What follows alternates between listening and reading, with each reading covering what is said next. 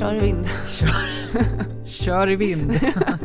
Välkomna till Präster med gäster med mig, Rebecka Tudor Sandahl. Och mig, Anna-Fia Trollbäck. Och vi är präster i Tyresö församling, Svenska kyrkan. Mhm. Mhm. Mm. Det är vi det. Det är vi det, stämmer bra. Ja. Mm. Eh, jaha, då, då, då, då står vi här i vår lilla heliga studio Mm, för ännu ett avsnitt. precis, Mm. slutet av oktober. Mm. Mm. Just det, snart allhelgona. Mm. Mm. Det är mörkare på morgnarna. Mm, verkligen, och den där Mm. vackra färgskalan, aha, sa jag det? Kort period, den är ju som bortregnad Ja, nästan. nästan. Mm. Ja. Ja. nu går de runt med såna här lövblåsmaskiner överallt istället. Och jag som glider runt med barnvagn mycket nu också, då Mm. fastnar alla löv i, i hjulen. Det blir jättegeggigt. Mm, Tar ni in vagnen i lägenheten eller? Vi gör det Ja. mm, i hallen bara. Mm. Grusigt. Ja. Men det är liksom sånt man får stå ut med. Ja. Mm. Jag minns att när vi stod här förra gången och spelade in ett avsnitt då var det liksom en sån här magiskt vacker dag. Mm. Här riktigt vacker höstdag, solen och ljuset och färgerna. Idag är det lite dystrare. Ja, det är det. Mm, det. Mörkret sänker sig över Mm. vårt land. mm, på alla sätt och vis. Ja, alltså det undgår väl ingen eh, att, vi, att vi går in liksom i en att vi, att vi är går in i en eh, svårare tid på alla plan. Eh, alltså ekonomiskt. Vi går en krigsvinter till mötes har det ju pratats om Mm. och det är ju så det kommer vara, eller är. Ehm, och jag hörde på radio senast i morse faktiskt att Svenska kyrkan i Umeå eh, ska starta en kurs eh, i ekonomi. Alltså att få koll på sin ekonomi, eh, sin hushållsekonomi Mm. tror jag. Ehm, Älskar Svenska kyrkan i Umeå. ja, men det är De helt, gör mycket bra alltså. ja, det där är ju verkligen att ta sig an uppdraget Mm. på ett väldigt konkret sätt. Mm. Och liksom antar också utifrån så här, människor de möter och de, alltså att man har sett det behovet. Liksom. Mm. Alltså hur gör vi nu Mm. när, eh, när, så, när vi alla påverkas ekonomiskt av det här och de som har det svårast är ju de också som eh, Alltså är man redan liksom utsatt på något sätt så, så känns ju det av mer Mm. eh, och snabbare och tydligare. Mm. Liksom. Ja men förstås och, dess, och så blir det en utvidgad grupp nu också när det är så många som drabbas. Mm. Och kanske människor som tidigare inte har levt under liksom, den typen av svårigheter plötsligt gör det. Ja men precis och att vi har varit så, jag tänker på det jättemycket, så otroligt förskonade under lång tid. Jag Mm. menar jag minns 90-talskrisen. Eh, min pappa undrade och sa typ för en tid sedan att så här, det kommer väl inte du ihåg? Mm. Jag bara jo, jag har jättestarka minnen av det ehm, och hur det påverkade liksom, eh, Mm. min familj. Eh, och nu är det jag som är vuxen. Det är något ehm, typ existentiellt över det som jag inte Mm. riktigt kan sätta ord på men att det är jag nu som Mm. ska typ laga för mina barn och så här fostra dem genom den här krisen. Mm. Eh, hur lång den nu blir. Mm. Eh, och som min pappa sa, han bara, men man, det handlar om att man ska ta sig igenom den. För det kommer vända. Mm. Och det, det har jag tänkt, tänker jag också mycket på. Mm. Att vi ska ta oss igenom det här. Det är som med alla kriser. Mm. Men, men det här påverkar så många. Visst. Eh, alla. Mm. Eh, jag menar, jag har inte tänkt på jag har, jag har inte reflekterat över hur jag liksom eh, använder min el. Nej, Men nu gör jag det. Mm. Ehm, och eh, Går runt och släcker lampor som Ja. tidigare har kunnat stå tända hela dagen. ja, ja, ja, drar Mm. ut standby-kontakter och bara ni måste dra ut eh, laddarna på telefonen från kontakterna och så här. Ehm, och eh, liksom tänker med så här hög räntekostnader som man ser, som jag ser ökar månad för månad liksom. Ehm, och det gör mig rätt nervös faktiskt. Mm. Jo men det är ju Mm. så när om man också många som har liksom stora lån. Mm. Ehm, och det är klart att man blir jävligt påverkad av det. Mm. Jag är ju, just idag är jag ju ganska glad över att bo i en hyresrätt. Ja men det förstår jag verkligen. Mm. Men jag tänker också någonstans att vi också har levt väldigt bortskämt Mm. under en lång tid med så här, nästan så här nollräntor Mm. och att det bara har varit en så konsumtionsfest Mm. som nästan har resulterat i att man tycker att vissa saker är en rättighet. Mm. Alltså typ att kunna resa på vissa sätt och att kunna ha saker, hur vi äter, hur vi eh, tar hand om vår mat. Mm. Liksom. Eh, man ska äta olika rätter varje dag. Typ. Mm. Det är nästan typ en, jag tänker att det är så här för många en norm. Mm. På tisdagar har vi fisk och på onsdagar har vi kött och på torsdagar har vi kyckling. Liksom. Mm. Men så är det ju inte, så är det inte nu. Mm. Liksom. Tänker jag i alla fall. Nej men absolut. Men och jag tänker också på den Tänker att man har, vi har varit i en, en stor eh, pandemikris, nu är vi i en, en ekonomisk kris och hela tiden och över oss så finns den här liksom klimatkrisen som vi Mm. befinner oss i som en som är någonting som jag tänker att både den här ekonomiska krisen och pandemin är ju, är ju någonting som kanske är typ bra för miljön. Mm. Alltså att vi Mm. måste leva ett, ett, vi måste ändra vårt sätt att leva. Ja. Liksom.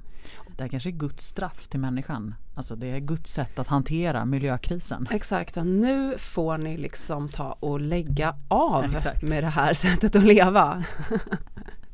Ja, det, det är liksom, Mm. det är, det är nutidens eh, såna här, eh, vad heter det, när han, alltså de här sju svåra åren Ja. och de kommer nu. Just det, alltså i Egypten. Ja Mm, exakt. mm. Ja.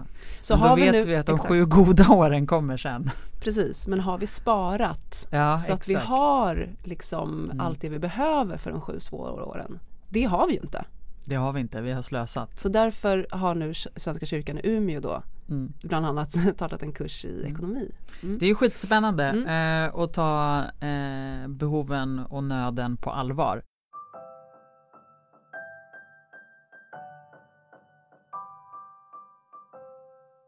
Det blev lite Mm. dystert. Men jag tänker att vi står alla i det. Ja det gör vi. Det, det Mm. måste man prata om. Mm. Mm. Mm. Eh, berättelser Ja, är temat. mm. Det är det. och inte minst bibelberättelser. Ja. Vad har du tänkt kring idag Anna-Fia? Jag har tänkt att vi ska, mm, att eh, det är ju allhelgona nästa vecka. Så det har fått vara vår inspiration Mm. mm, inför att välja en bibelrätt, bibelberättelse Mm. eh, till idag. Mm. Och allhelgona som Allhelgona när vi eh, går till gravarna, Vallfärdar. vallfärdar till Mm. eh, kyrkogårdarna och kyrkorna och tänder ljus för våra döda, minns våra döda. Eh, Det har nästan blivit som en tradition i våran podd att vi snackar lite död. mm. Eh, lite, vi snackar lite död. Prata lite död sådär inför en helgona.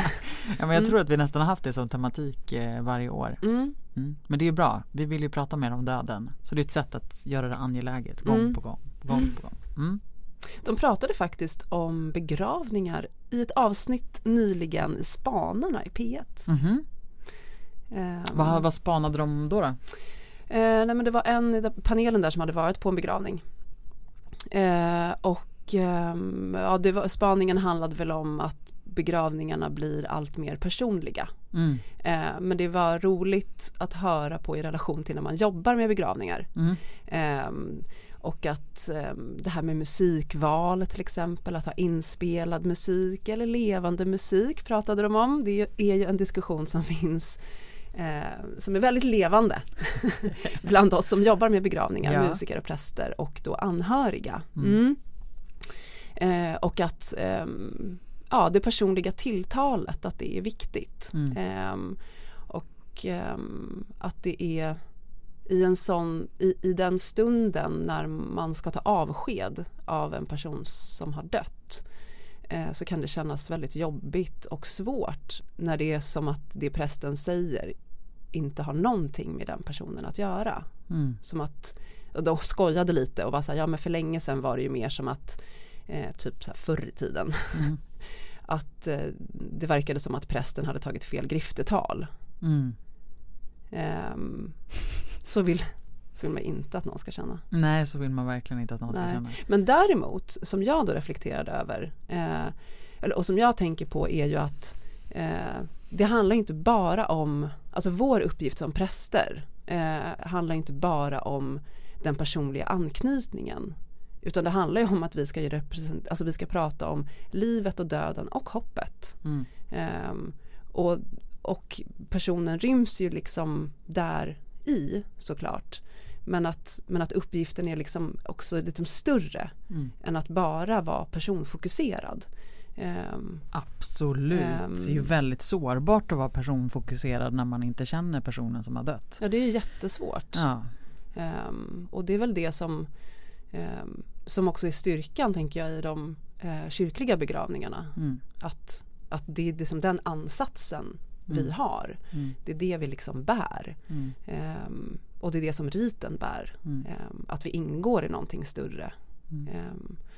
Men jag tror också mm. att det där personliga tilltalet som, som många människor vill ha mm. eh, är ju inte heller alltid bara att man, att man säger personliga saker Nej. om den som avlidit utan det är ju på något sätt någonting i, i hela ens kanske kroppsspråk eller tonläge mm. eller hur man liksom bemöter människor som kommer till kyrkan.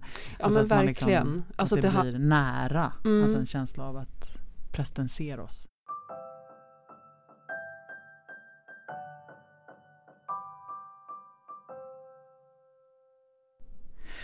när jag fick uppdraget då att välja en bibelberättelse eller en bibeltext var det ändå begravningen just som kom till mig. Jag tänkte på alla de texter. Vi, vi läser ju ändå eller läser ju bibeltexter mm. eh, under begravningsgudstjänsten. Och så började jag tänka på vilka, liksom, vilka favoriter jag har och varför jag väljer dem. Och, mm. eh, ja men då, då, valde jag den här. Mm. Eh, Jesus säger Känn ingen oro, tro på Gud och tro på mig. I min faders hus finns många rum. Skulle jag annars säga att jag går bort för att bereda plats för er? Och om jag nu går bort och bereder plats för er så ska jag komma tillbaka och hämta er till mig för att också ni ska vara där jag är. Och var kan man hitta det avsnittet? I Johannes evangeliet mm. kapitel 14. Och eh, Ja men ibland så skriver jag som sagt själva griftetalet och har det här som utgångspunkt och bilden av himmelriket många rum. Mm. Eh, jag tycker att det är en väldigt, eh, alltså jag menar ingen av oss vet vad som händer när vi dör. Eh, såklart inte, men jag kan inte, jag kan liksom inte föreställa mig att det bara blir ingenting. Eh, Nej. Det, det känns eller varför ska jag tro det liksom? Mm. När jag har möjligheten att tro på någonting annat. Eh, och när jag har möjligheten att, att känna liksom ett hopp och en eh, Ja men låta fantasin få styra mig liksom. Mm. Det är mycket roligare. Och det är den där bilden av att det just finns ett, ett, ett hus liksom. Att det är som att, när, att det finns ett hus som är Guds hus och där finns det ett rum som räcker till, alltså alla får varsitt rum om man vill men man kan mm. också gå in och dela rum med varandra. Det finns kanske sällskapsrum. Alltså det, det är verkligen, och, och, jag tycker att det är så fint att bygga upp en, en eh, man kanske också har ett, som, man kan föreställa det som att man har sitt egna hus med alla de här rummen och liksom sin personliga Liksom, man har ett bibliotek kanske och man, har, man kan gå in och ut ur de här liksom, mm. rummen. Um, och att eh, Gud är där. Jag tycker om bilden. Mm. Men också tillsammans med Saltaren 23 mm. som ju kanske eh, Herren är min herde. Den tror jag är bekant för väldigt många, särskilt kopplat till, läses ju ofta på begravningar. Mm. Eh, och där finns det ju också liksom bilden av liksom Herrens hus mm. och att det ska vara ens hem. Mm. Det är I vårt evighet. hem. Ja. Och det, eh, så det tycker jag är fint att koppla ihop de två. Mm. Eh, och det ska vara vårt hem så länge vi lever. Alltså mm. det är dit vi eh, Vi kommer liksom till en trygg plats. Mm. Ehm, och där finns Gud. Mm. Nej men precis. Mm. Det är egentligen Det är verkligen eh, så man borde uttrycka sig och det är väl också ett ganska eh, vackert kristet uttryck att säga att vi går inte bort utan vi går hem mm. när man dör. Mm. mm. Och sen har jag en till då bara för en kortis. Mm. Ännu ser vi en gåtfull spegelbild. Då ska vi se ansikte mot ansikte. Ännu är min kunskap begränsad. Då ska den bli fullständig som Guds kunskap om mig. Eh, ja, jag tror att jag har lyft den här förut. Eller vi har pratat om den. Det är också en mycket välkänd mm. text ifrån första Korintierbrevet. Eh, hämtad ifrån det vi kallar för kärlekens lov. Men just den här eh, att då Då ska vi se ansikte mot ansikte. Mm. Så verkligen den här föreställningen om att möta Gud. Eh, ansikte mot Mm. ansikte. Och att just nu så är vi begränsade. Vi kan inte veta allting. Vi kan inte tro att vi vet allting. Men då så kommer den bli fullständig. Vi kommer liksom Vi Ja, kommer men veta. Det som Gud redan vet om mig Mm. kommer också jag veta en dag. Och det kanske är liksom nyckeln till hemmet på något sätt. Just det.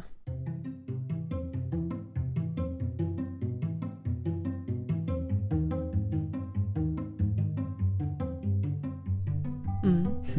Vad har du valt? Nej, men alltså jag löste ju den här uppgiften på ett annat sätt. Ja, men berätta. Det var ju du som hittade på uppgiften.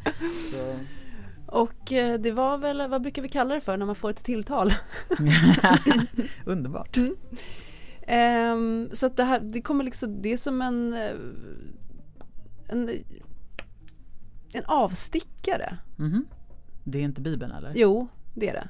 Är det jobb nu igen? Ja, det är det faktiskt. Är det sant? Ja. Jobb, han Men jobbar gud, med hur dig. kunde du gissa det?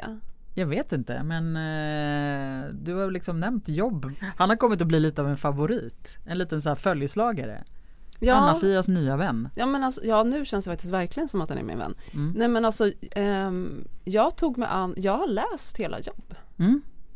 Jag har försökt flera gånger ska Mm. jag erkänna. Mm. Men jag har inte lyckats tränga igenom denna, dessa 42 kapitel. Mm. Ja, nej, men Det är en ganska, det är inte en jättelättillgänglig text.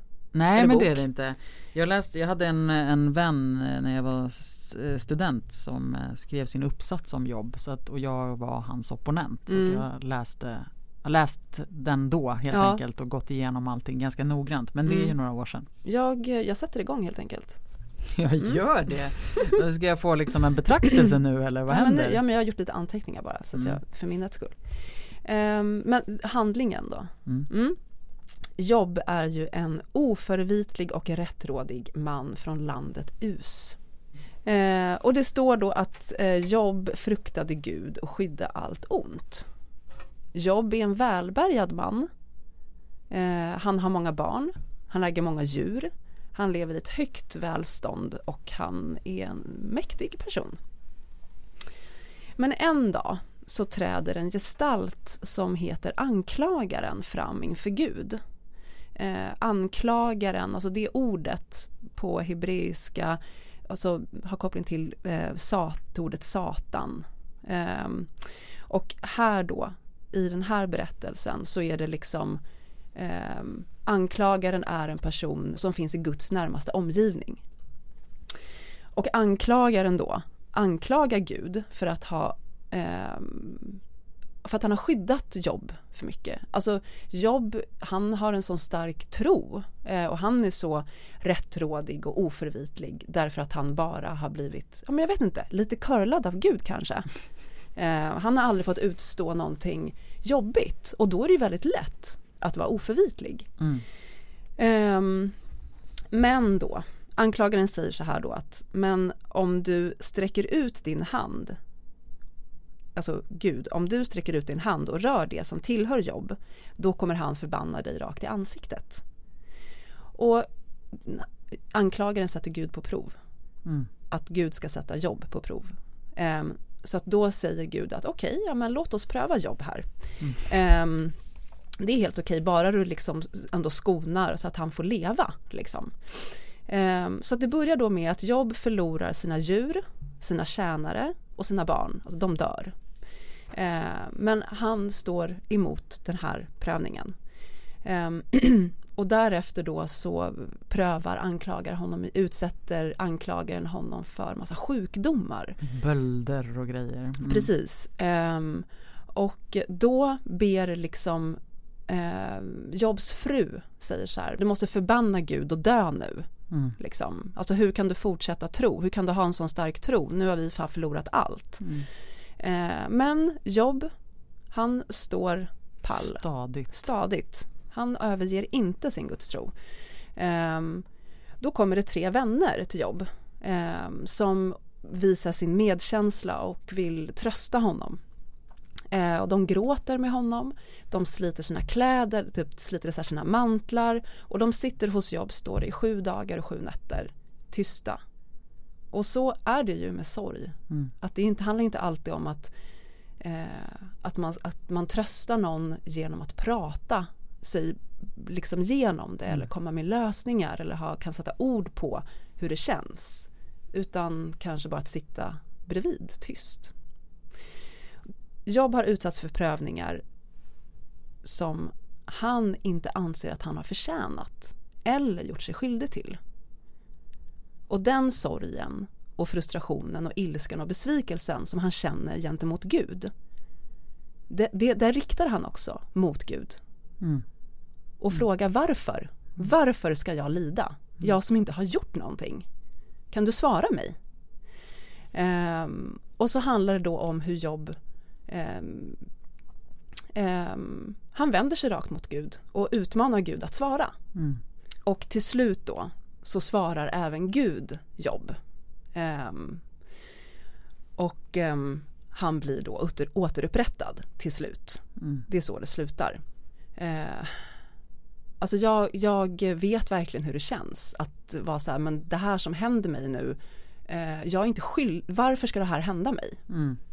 Jag har liksom inte gjort någonting. Mm. Och ändå är det typ, förlåt, men så, ändå är det som att allting bara faller ihop runt omkring mig och jag kan inte göra någonting åt det. Jag kan som inte påverka det.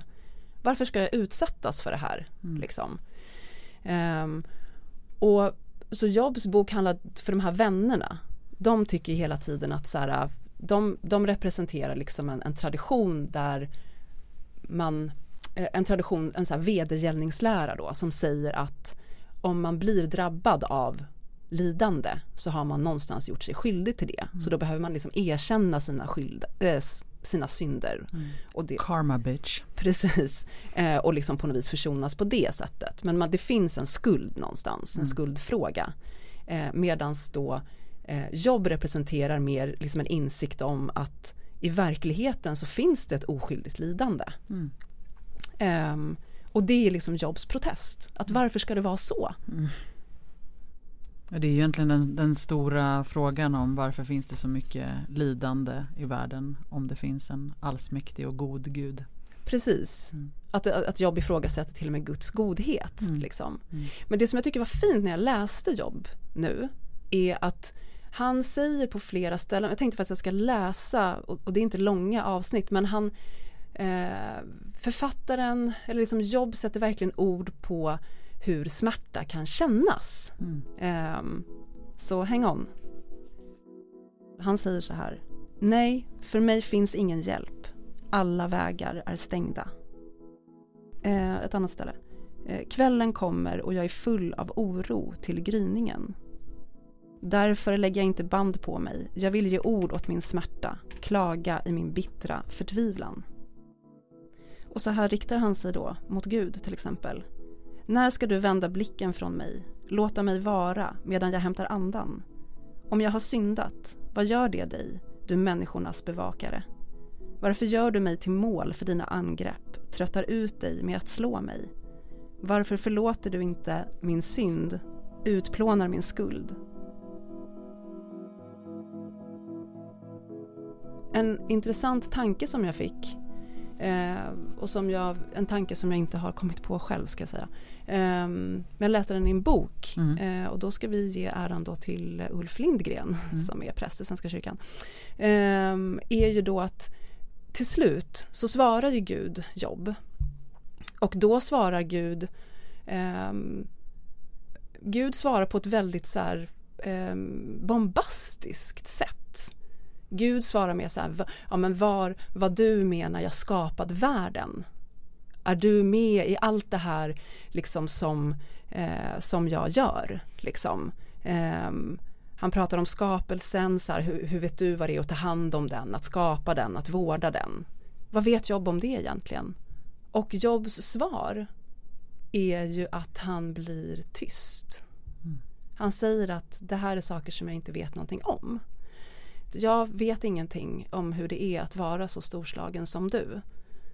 Men vad vet du om vad det är att vara människa Mm. egentligen? vad du har utsatt mig för. Vad vet du om det? Du verkar inte veta någonting om det. Mm. Alltså den där tystnaden kan ju liksom tolkas dubbelt. Mm. Både att han liksom på något sätt Ja, men han säger att han ångrar sig liksom. Mm. Eh, och som att han då skulle kanske var, stå där och liksom kuva sig. Mm. Men det kan lika gärna också finnas vara på andra, Mm. ett annat sätt i det också. Att säga nej, nej, okej, fine, men vad vet du då? Mm. Ehm, och det tyckte jag var så, det är en Mm. sån spännande som vänder på det liksom, eh, på perspektivet. Mm. Apropå det så är det ju ofta det också som vi säger i relation till våran liksom till Jesus och vår gudsbild i relation till att Gud blir människa. Mm, Alltså Mm. att inkarnationen gör någonting också i vår förändrade syn på vem Gud är för att Gud vet vad det är att vara människa. Mm. Alltså att det är också någonting som skapar en personlig relation till Gud Mm. som man kan liksom känna att jo men Gud vet. ja. Mm. ja, men precis den där närheten. Mm. Jag tycker att det är också en väldigt vacker scen ur Jobs bok när, när hans vänner kommer dit Mm, och sitter med honom i tystnad. För jag tänker att när vi går igenom svåra situationer så är det ofta en känsla av att vara väldigt, väldigt ensam. mm, För att vi också är rädda för att ta oss an eh, människor i djup sorg. mm, Eh, För att vi inte vet vad vi ska säga. Men vad skönt då om vi får med oss här, men det handlar inte om, du ska inte säga något liksom. nej. Du kan inte säga någonting som tar bort den där smärtan. Men du kan finnas där och bara vara nära liksom. Mm.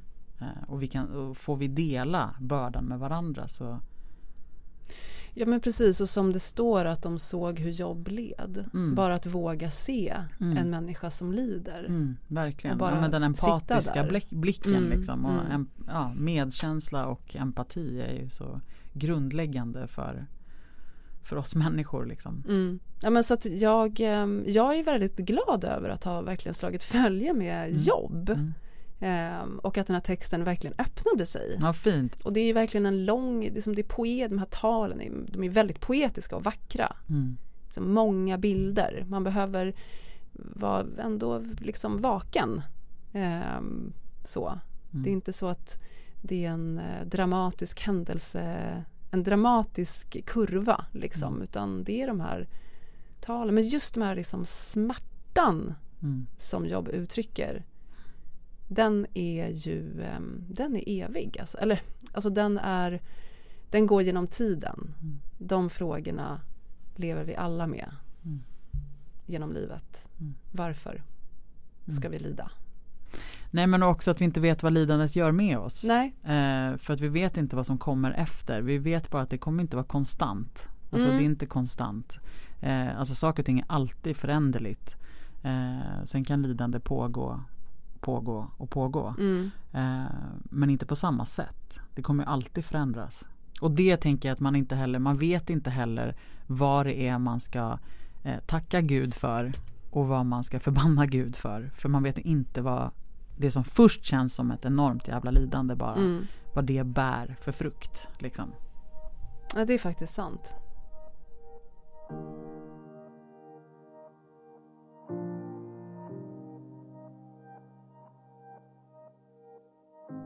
Men en sak som vi vet Mm. alltid kan vara rätt, det är ju att stå, stå bredvid, stanna kvar. Mm. Mm. Lämna inte den Nej. som sörjer. Men eh, jag kom på, jag fick fatt i tanken nu Mm. och det handlade om eh, Ja men bara apropå det här med att man inte vet vad saker och ting leder till och, och förändring. Eh, och som du inledde också med den ekonomiska krisen som vi befinner oss i och klimatet och allting. Att, eh, att gå med lidandet liksom. Inte kämpa emot. Alltså den här bilden ifrån förlossningen också. Mm. Alltså att låta liksom eh, Det kommer någonting nytt. Mm, det men kommer ack, någonting nytt. så svårt det kan vara. Mm. Mm. Jo man vill gärna spjärna emot Mm. och eh, inte gå med på det. Nej. Men eh, som vi vet, förändring är utveckling. Nej, vad är, vad det, är, kris- det, är det så här, kris? Vet Ja. du vad kris betyder? kris är utveckling. Mm. Det, Det är bland det sämsta man kan säga till någon ibland. ja, det är det. Mm. Mm. Så. Men nu sa jag det. Mm. Men det är bra att veta vad det betyder, men man ska veta när man ska liksom säga Mm. Mitt i den djupaste sorgen. mm. Ja, nej så ska vi inte säga. Eh, amen och eh, vi avslutar.